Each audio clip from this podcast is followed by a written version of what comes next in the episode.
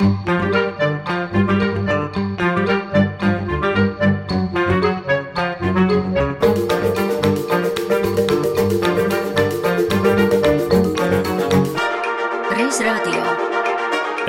radio ar šodienas skatu pagātnē.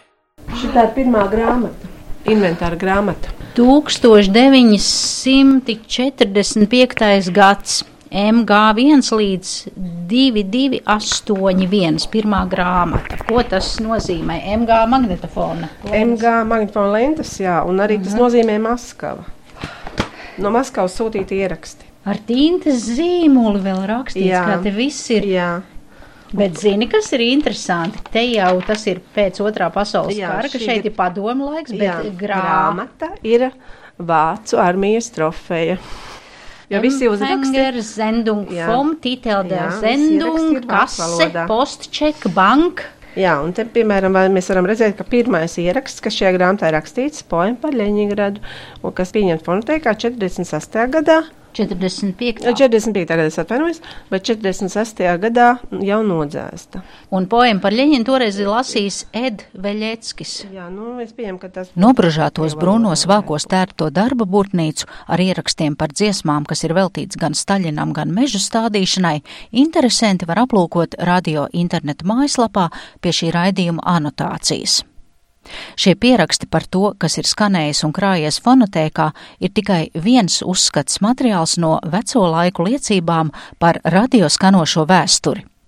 Fonotēks vadītāja Guna Rāga mūs, tas ir jūs klausītāji un mani, aicina mazā ekskursijā pa telpām, kur glabājas sendienu ieraksti. Taču tā kā tagad viss radio rīcībā esošais skanošais materiāls tiek glabāts virtuālajā vidē, tad iesākumā paraudzīsim tās pērles, kas nu jau ir datorizēts, un mūsu arhīvā ir tās senākās, unikālākās un vērtīgākās. Ieraksti mums ir arī ļoti seni, kad vēl radio vispār nebija Latvijā nodibināts. Bet tie ir no ārzemju izpildītāju, ārzemju autoru ierakstu kopijas, teiksim, Tāds būtu Eduarda Grīga paša izpildītas klavieru miniatūras, kas ierakstītas 1906. gadā, vai Enrico Caruso dziedātās ārijas no 1912. gada.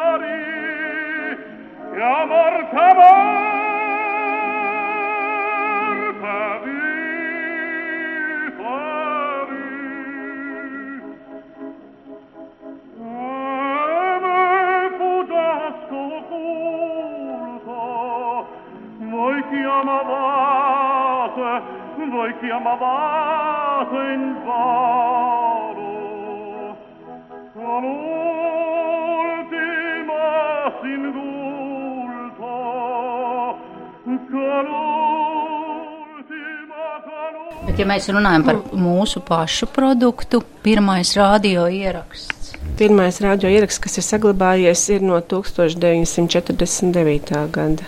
Tā ir Aina dzēja, ko lasa aktieris Arturs Filipsons. Atkal ir atnācis laiks, laižat, lai darbojas tvaiks, remontēta ir mašīna tīra, paklausīs laista no darbinieka vīra, riteņi rit un rūts, dzelžainās rumbas dūts, hei, ej darbā, tu dzelžainais milzi! Atkal ir gaidāmais laiks, laižat, lai darbojas tvaiks. Stājieties katrs, kur likta tam vieta, ieraujiet tagad, ir mūsu pašu lieta. Ieraut jūs mācīja sen, ieraut, kas tiepies un sten. Hei, nu brīvdarbā dzelžainais milzi! Pakāpjoties atpakaļ pie vēsturiskajām vērtībām, ir jāmin saglabātie ieraksti, kas ir nākuši no privātu kolekcijām un dāvināti radioarkīvām.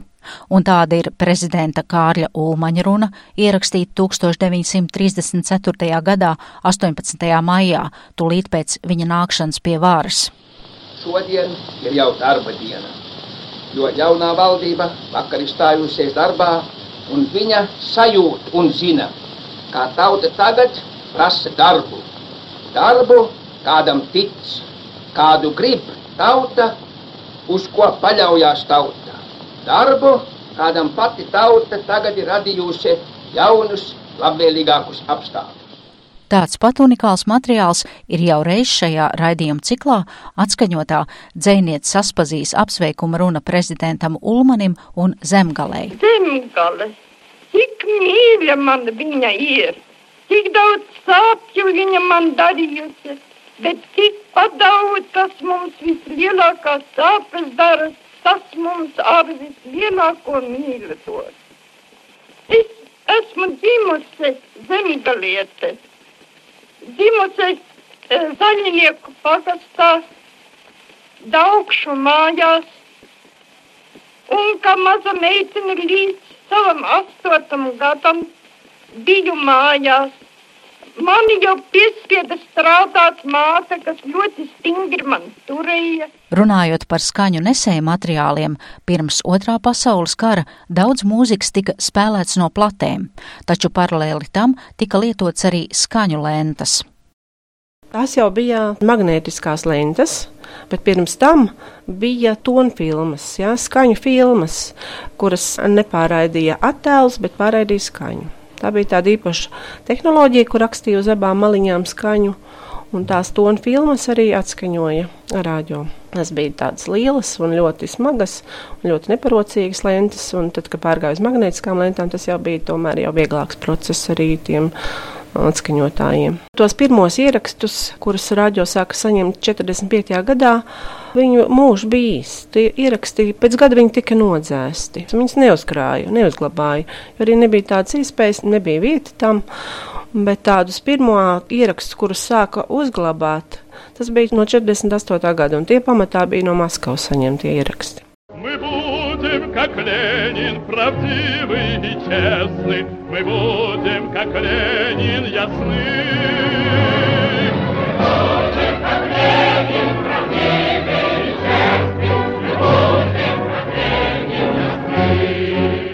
Protams, tās bija nodevas padomi laikam par Ļeņinu, Stāļinu, plašo jauko padomu zemi un tautu draudzību. Taču par laimi līdzās tādiem Maskavas sūtījumiem mūsu radio ierakstīja raidlugas, radiolasījumus un dzejas kompozīcijas, kas nu ir mūsu radioarkīva dārgakmeņi.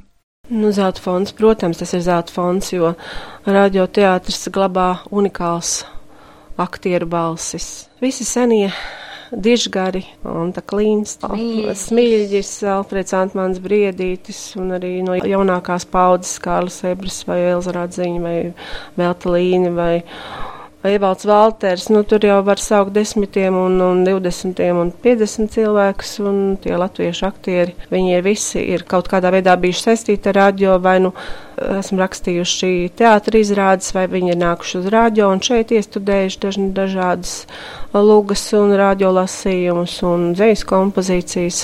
Tā kā es domāju, viņiem visiem tas bija gods un prieks arī šeit nākt un šeit strādāt un atstāt mums ļoti daudz lielisks laikmet liecības. Lūk, Anta Klints 1962. gada ierakstā runā Sergeja Mihalkovu fabulu, kuras saturs ir aktuāls arī šodien. Reiz lapsa bebrā ieskatās, pat kažokātam sudrabs lās, starp citiem meža zvēriem rets, tāds slavens meistars, gudrs un vecs, un lapsai atšteles viens zib. Tā bebram patikt grib pat naktīs neguļ vairs. Man diezgan gudrs prāts, es izveicīga, slaids man augums, ja katrai draudzenei pa draugam, kāpēc gan nevar man būt tāds, kam bebrs vārds? Un lapsa bebram pakaļ skraidīt prot, ar kuplo asti veicinot, čukst maigus vārdus austiņā, gan šā, gan tā, un bebram sirmā galva sagrozīta tiek. No bebrens viņš projām iet, tā veca tam un muļķi šķiet. Radio, elektromagnētisko viļņu raidīšana un uztveršana. Intervija notiek pie tava darba galda, dators, te vēl ir skaitāmie kauliņi, bet tad, kad tu toreiz sāki strādāt fonotēkā, protams, datora monitors nebija uz tavu galda. Kā tad izskatījās? Datora monitors man galda nebija, uz man galda bija rakstā mašīna. Es rakstīju kartītes, mums bija jāliek ieraksti nost. Tagad to pat nevar iedomāties. Ko nozīmē likt ierakstus nost? Tas nozīmē, ka visi ieraksti, teiksim, raidīja tikai no lentēm gan literāros raidījumus, gan mūziku, un kad katru dienu izskanēja noteikts skaits lenšu rullīši. Un tos nākamajā dienā cilvēks, kas strādāja uz programmu, uzveda augšā no raidījuma daļas. Un tad tos rullīšus vajadzēja sagrupēt pa indeksiem, pa numuriņiem. Un tad katram bija uzticēta kāda noteikta indeksa, kuri viņam bija jāsaliek atpakaļ plauktos. Lai atkal nākamā dienā, atkal nākamais redaktors varētu atkal tos vilkt ārā no plauktu un atkal nodot raidījumiem, raidīšanai, raidījuma daļā. Es arī kādā intervijā manam kolēģim Raitim Kalniņam pirms vairākiem gadiem bildus, ka agrāk nemaz tā nevarēja fonoteikas darbinieku paņemt kaut kādus ierakstus un paklausīties. Tagad to drīkst darīt. Kas tur bija agrāk pa aizliegumu? Jā, tāds aizliegums tiešām bija. Jā. Mums bija jāsavāc ieraksti, jānodod raidīšanai, viņa atkal jāpaņem atpakaļ, jānoliek plauktā, bet tāda iespēja kā klausīties mums nebija. Jo katra lenta pēc klausīšanās bija jāizbandrolē. Tas nozīmē, ka katram redaktoram bija jāuzraksta aizlīmīte. Uz tās aizlīmītes bija jāuzraksta datums, gads un, un paraksts, ka viņš atbild par to, ka tajā rullītē iekšā ir tiešām tā lente, kas tur ir rakstīta, un ka viņš uzņemās visu atbildību, ka tur nekas slikts nav noticis, ka nav saplīsusi lente, ka tā nav samainīts, teiksim, cits rullis nav ielikts iekšā tajā kastē. Bija jābūt tādai mm, diezgan nopietnai lietai, tā kā tur katrs nemaz nevarēja ķerties klāt. Un Fonteks darbiniekiem nebija atļauts klausīties ruļus. Kaut gan mūsdienās tas pilnīgi nevar iedomāties, kāds varētu būt, ka mēs tagad neklausītos diskus, to, ko mēs arī apstrādājam un pievienojam. Tas tā kā strādāt. Tā kā ar kaķi maisā, tu nezini, ko tu strādā, bet it kā strādā, bet kas tur skan, tu nemaz neesi pārliecināts, varbūt tur nemaz nav tas, kas tur ir rakstīts. Bet kā tad jūs strādājāt? Ja tu saki, jūs pat nedrīkstējāt plēst vaļā. Nu, kā mēs saņēmām lentes, mēs viņus apstrādājām, rakstījām inventāru grāmatās iekšā to, kas ir rakstīts uz kasetes. Un fonoteka arī piešķīra katrai lentai indeksu. Tas bija no kurienes tā lenta bija nākusi. Ja tā bija nākusi no Maskavas, tad viņa bija MG. Ja viņa bija pie mums, Latvijas rādio rakstīta, tad viņa bija vai no LG vai FV vai F stereo ja viņa bija atsūtīta no kādas draudzīgās valsts, no Dienvidslāvijas vai no Demokrātiskās Vācijas vai no Čehoslovākijas, tad viņai bija indeks FS. Tas nozīmē, ka sūtīts materiāls. Un no rietumiem, no, piemēram, no Zviedrijas, Anglijas vai Vācijas federatīvās tolaika? Tādu ierakstu mums nebija. Tāda te nenonāca, un ja pie kāda redaktora nonāca, tad viņš to varbūt izmantoja kaut kur savos raidījumos, bet tā slepeni Padomi laikos slepenībā bija turēts arī ieraksts, kura kopija tagad ir, manuprāt, viena no izcilākajām mūsu radiovērtībām. Proti Lūcijas garūtas kantāte Dievs tava zeme deg, kuras pirmatskaņojums un reizē arī radio ieraksts notika 1944. gada 15. martā vecajā Svētās ģertrūdas baznīcā. Stāstu par šo ierakstu ir dokumentējusi mūzikas vēsturniece un bijusī mūzikas redakcijas vadītāja Diāna Albina 1995. gadā raidījumā Latvijas radiofonotēka unikāls arhīvs sarunā ar reto radio ierakstu saglabātāju valodnieku Jāni Kušķi. Es esmu bijis daudz reizes pilotcies garotas, un viņa kādā reizē, kad mēs par šo kandidātu runājām, čukstus droši paliek droši, ka kāds nedzird kaut ko. Atnesa un parādīja, ka viņai glabāja šī lente. Un uh, bija pavisam trīs lieli uh, lentes uh, rituļi. Tā lente bija ļoti interesanta. Tā bija mm, baltā krāsā, ļoti bieza lente. Un toreiz mēs domājām, ka vajadzētu šo lenti varbūt nokopēt, lai būtu vēl kāda kopija šeit Rīgā. Un bija arī runa šeit pat radiofonā dažiem darbiniekiem, ka to varētu paslēpus izdarīt, bet radiofonā nebija šo veco magnetofonu vairs, kādi bija 40 gados bijuši. Un tā mēs šo lenti nepārkopējam. Lūcija Garota nomira. Un pa to laiku izrādās, ka ir bijusi kāda šīs lentes kopija arī ārzemēs aizvesta, pavisam cita. Un pēkšņi pienāca ziņa, ka 1982. gadā ārzemēs izdod skaņu plate. Ierakstu, kurā dzied Reitera koris, Maris Svētra, Ādolfs Kaktiņš un pie ērģelēm ir pati komponiste Lūcija Garūta, pagājušā gadsimta 80. gadu sākumā atjaunoja Vācijā dzīvojošais latviešu komponists Longins Apkalns. Un atmodas laikā šī kantāte beidzot arī varēja skanēt Latvijā.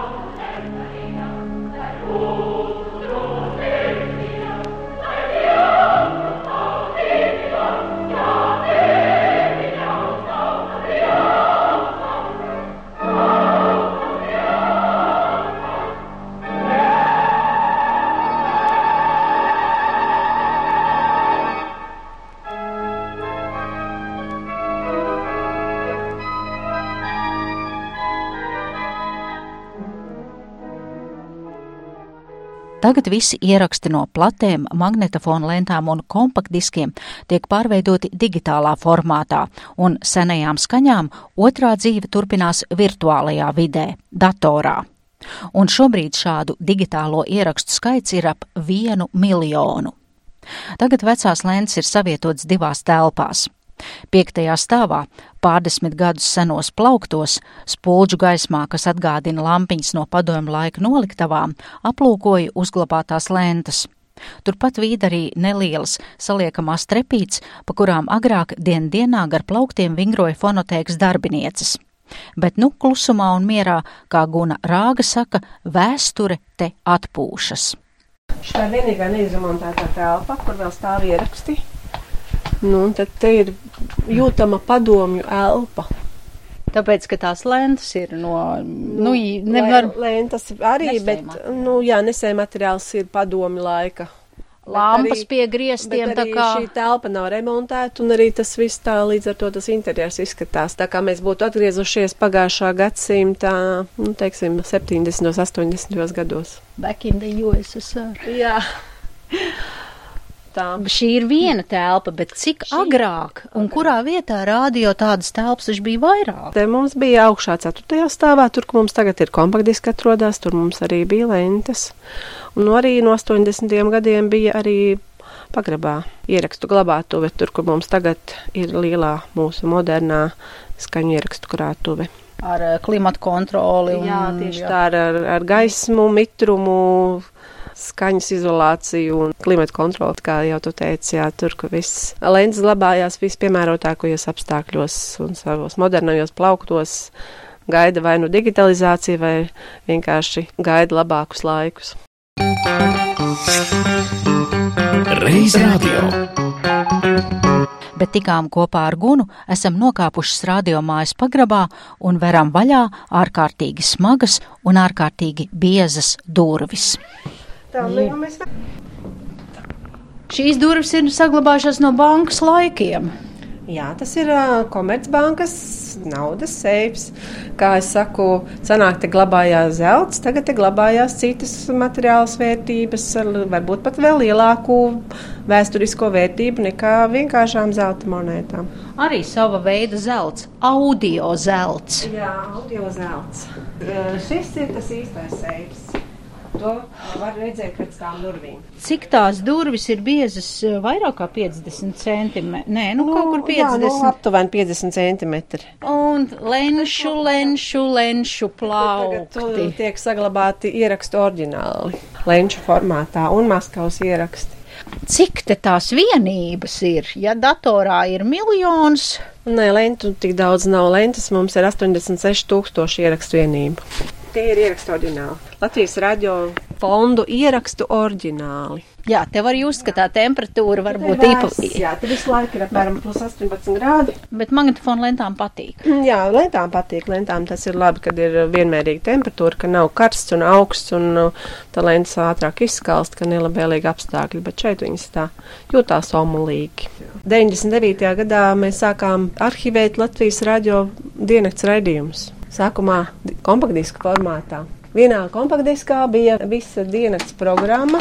Vienā kompaktdiskā visas programmas, kas tika tajā dienā raidītas. Jā, četri, Četri kanāli, kanāli. 24 stundas, Jā. ko raidīja. Jā. Tas viss Jā, ir vienā viss- viss vienā kompaktdiskā. kompaktdiskā. Diemžēl arī kompaktdiska mūžs nav bezgalīgs. Tad jau jāsaka, ka daudz magnētiskās lentes ir daudz kvalitatīvākas. Arī pēc 50, 60 gadiem tās ir iespējams atskaņot ļoti kvalitatīvi nekā kompaktdiskus, kas ir ierakstīti pirms 10 gadiem. Tādā formātā tika ierakstīti līdz 2002. gada 31. decembrim.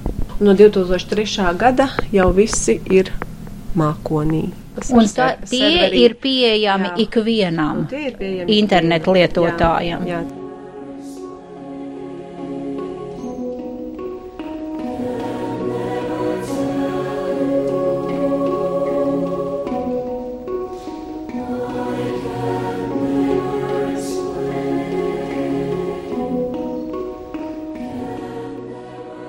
Tagad, ja kāds ļoti vēlas paklausīties radio skaņu ierakstu, tad, kā jau minējām, visu radio arhīvu sākot no 2003. gada var atrast mūsu interneta mājaslapā, bet senāku ierakstu kopijas ir iegūstamas sazinoties ar fonotēku, kuras koordināts arī var atrast turpat radio mājaslapā.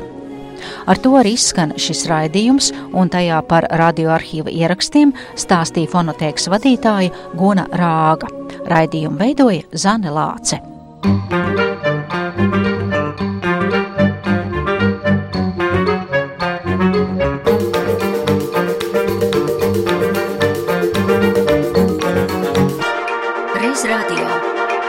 Reiz radio. Ar šodienas skatu pagātnē.